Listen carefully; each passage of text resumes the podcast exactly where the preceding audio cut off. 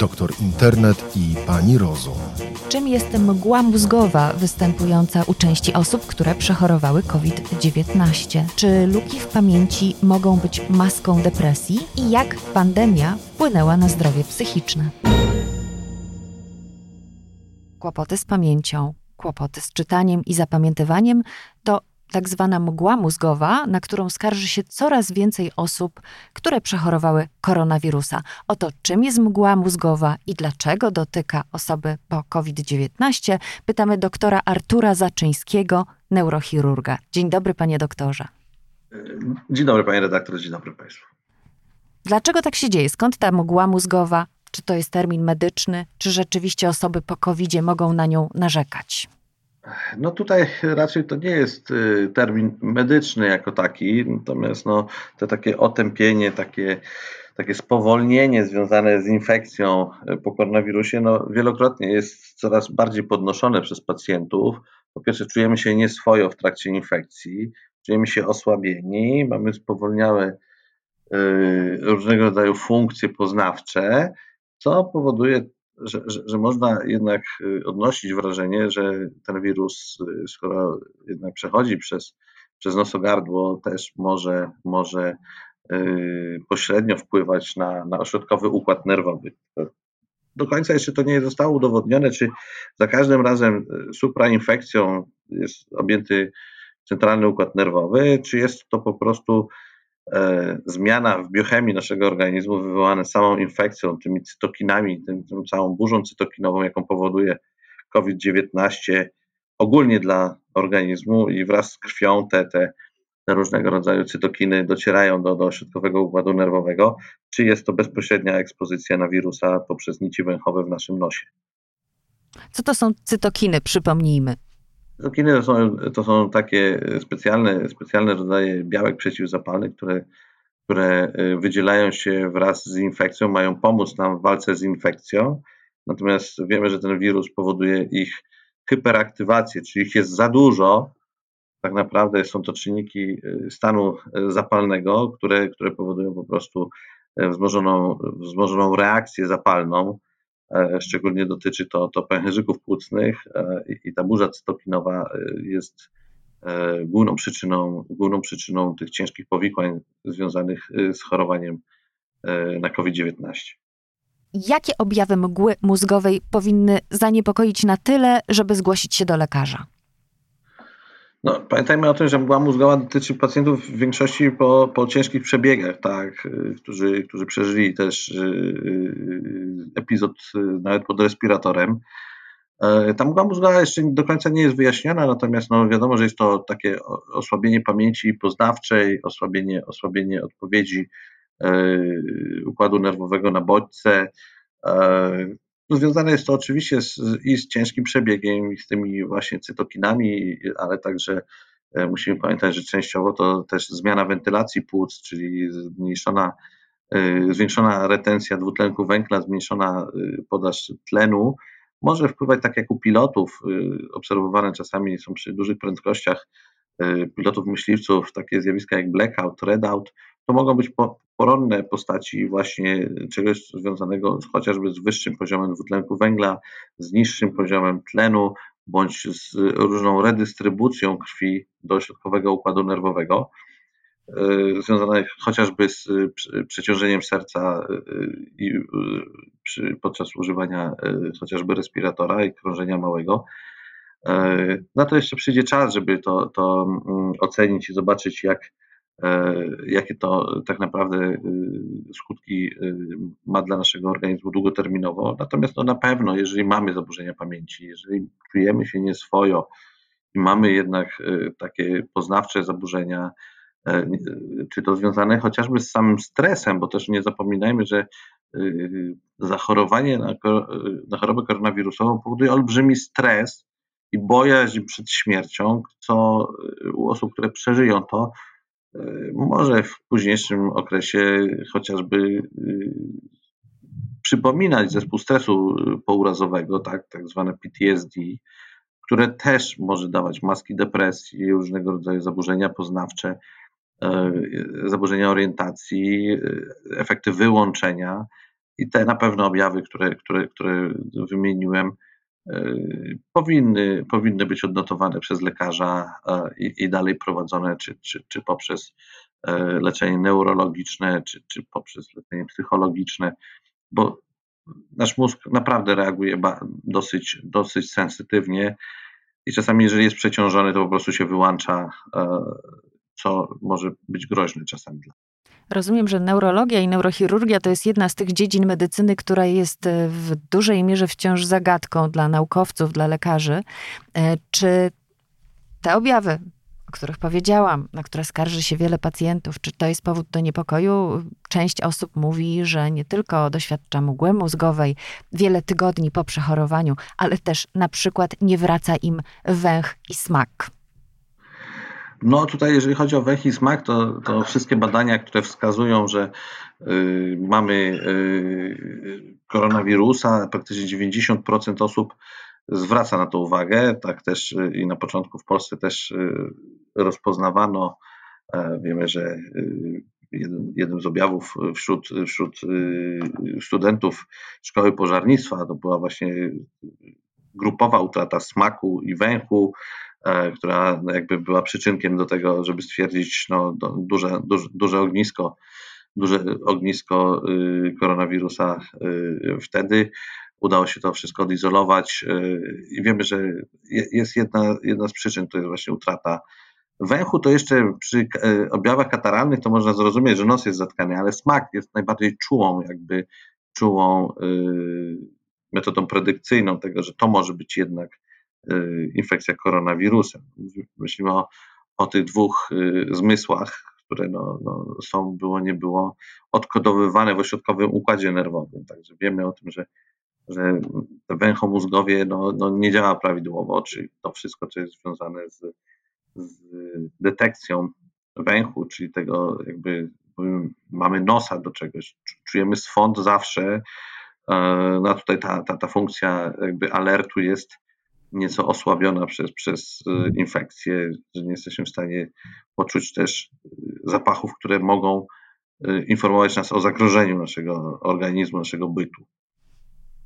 Czy właśnie oprócz takich e, typowych e, zapachów, które informują o zagrożeniu, czyli właśnie swąd spalenizny, ostrzeżenie przed czymś, że coś się pali, że należy e, opuścić budynek, czy jeszcze inny dyskomfort może taki brak węchu czy smaku powodować? Ja pamiętam, jak straciłam słuch na jedno ucho, jak, jak bardzo mnie to rozkojarzyło. Oczywiście ja wiem, że to jest ośrodek równowagi też związany z tym, ale pamiętam, że ja, się, ja miałam poczucie stałego zagrożenia, poruszając się. Po prostu nagle tak jakbym straciła równowagę i pewność. Czy osoby dotknięte brakiem słuchu, brakiem węchu mogą w związku z tym odczuwać jeszcze inne dolegliwości? Czy na przykład to może w jakiś sposób powodować depresję, obniżenie nastroju? No na pewno, bo tutaj też jest i opisywane różnego rodzaju e, wpływ na, na, na obniżenie nastroju, w tym na, na właśnie objawy depresyjne. A sam smak, no to tak, nie, nie, nie, cieszymy się z potraw, nic nam nie smakuje. Pewien sposób mamy niechęć do spożywania posiłków, bo, bo nie, nie, nie, nie czerpiemy z tego żadnej przyjemności.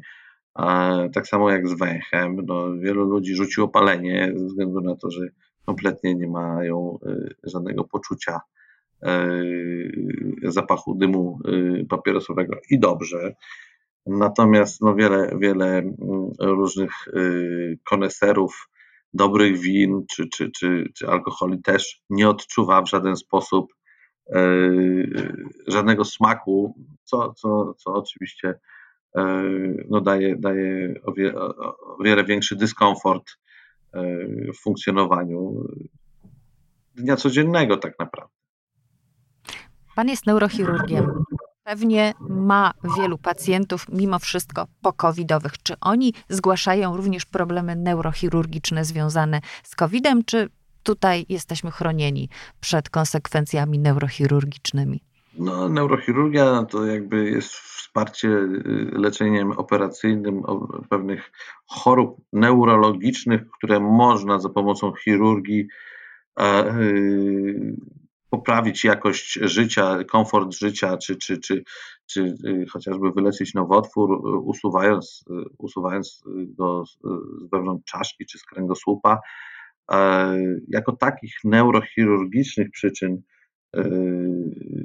zgłaszania się do, do, do lekarza na razie się nie obserwuje. Raczej są to przyczyny, przyczyny neurologiczne, różnego rodzaju miopatie, bóle neuropatyczne. To, to są. Miopatie, czyli uszkodzenia mięśni. mięśni. Tak, bóle mięśni, bóle okolicy lędźwiowej, które mogą oczywiście nawarstwiać się razem z bólami dyskopatycznymi kręgosłupa, które mieliśmy już wcześniej, jakby te dwie rzeczy na siebie nałożyć, to można powiedzieć, że czasami zdarzają się pacjenci z zaostrzeniem dolegliwości bólowych okolicy lędźwiowej, ale nie można sugerować, że jest to związane tylko i wyłącznie z przebiegiem y, choroby koronawirusowej, bo pytanie, czy te bóle by też się nie pojawiły, gdybyśmy nie mieli tej pandemii, związane z naszym stylem życia, siedzenia, nadwyrężania cały czas kręgosłupa, chociażby w pracy czy, czy, czy, czy w domu. No właśnie, mniej się ruszamy. Wiele osób y, widzi albo, że przybrała y, masę w czasie tego koronawirusa, albo że w ogóle już się nie rusza, że traci mięśnie, bo cała praca odbywa się w domu sprzed komputera. Czy to powoduje mm, zwiększenie się liczby tych wszystkich właśnie dyskopatii, tych, tych y, zmian degeneracyjnych kręgosłupa? Na pewno nawet czytałem takie opracowania, że przez pandemię w ciągu roku e, zwiększyliśmy swoją masę średnio, średnio tam o, o, o kilka kilogramów, co jest związane dokładnie e, z, z innym trybem e, pracy, brakiem, brakiem tak naprawdę tego dobrego poruszania się. Zapominamy, że trzeba też ćwiczyć i funkcjonować poza pracą w miarę aktywnie. No i to wszystko się przyczynia właśnie do, do, do, do poprawy, do, do pogorszenia, przepraszam, y, siły mięśni, szczególnie posturalnych i tych dolegliwości związanych właśnie chociażby z osiowymi bólami kręgosłupa na, na skutek zmian przeciążeniowych. Czyli co, ta, taki, tacy pacjenci zgłaszają się po środki przeciwbólowe? Rozumiem, że jeśli chodzi o zabiegi, to teraz jest tak jak w całej medycynie z neurochirurgią nie za wesoło, że, że takie... No dlatego też nie, nie, nie, nie wolno zapominać o tym, żeby jednak tą aktywność fizyczną w miarę stosować, y, bo są problemy oczywiście z, z działaniami rehabilitacyjnymi, więc tutaj jest bardzo ważne, żeby, żeby jak najmniej narażać nasz organizm na, na konieczność kontaktu z fizjoterapeutą, e, która jest w tej chwili w pandemii utrudniona. Dlatego no wszystko jest po, po, e, zależne od naszej woli i siły naszej woli, żeby jednak cały czas aktywnie funkcjonować, nie pozwalając jakby na spadek masy mięśniowej, a zarazem na powstanie dolegliwości bólowych w zakresie kręgosłupa. Ale to też e, pewnie trzeba te ćwiczenia wykonywać z głową i, i, nie każde ćwiczenie jest dobre dla kręgosłupa. Co zrobić? No, nie mamy tak naprawdę od kogo się nauczyć tych ćwiczeń. Czy co poleca Pan oglądanie YouTube'a, jakichś zaufanych fizjoterapeutów, którzy pokazują ćwiczenia? Można to robić na własną rękę? Myślę, że na pewno y, można, jeżeli jest to przemyślane. Musimy zawsze pamiętać, żeby nie wykonywać żadnych czynności, które powodują u nas ból bo jeżeli jakaś czynność, jakieś ćwiczenie powoduje ból, no to ból jest tym pierwszym sygnałem ostrzegającym nie rób tak. Wobec tego trzeba się zastanowić, dlaczego boli, na przykład przy, przy skręcie w jedną stronę nasz kręgosłup, może te mięśnie są zbyt napięte i należałoby najpierw je rozluźnić, czy wykonać inne ćwiczenie. No, trzeba myśleć, co się robi.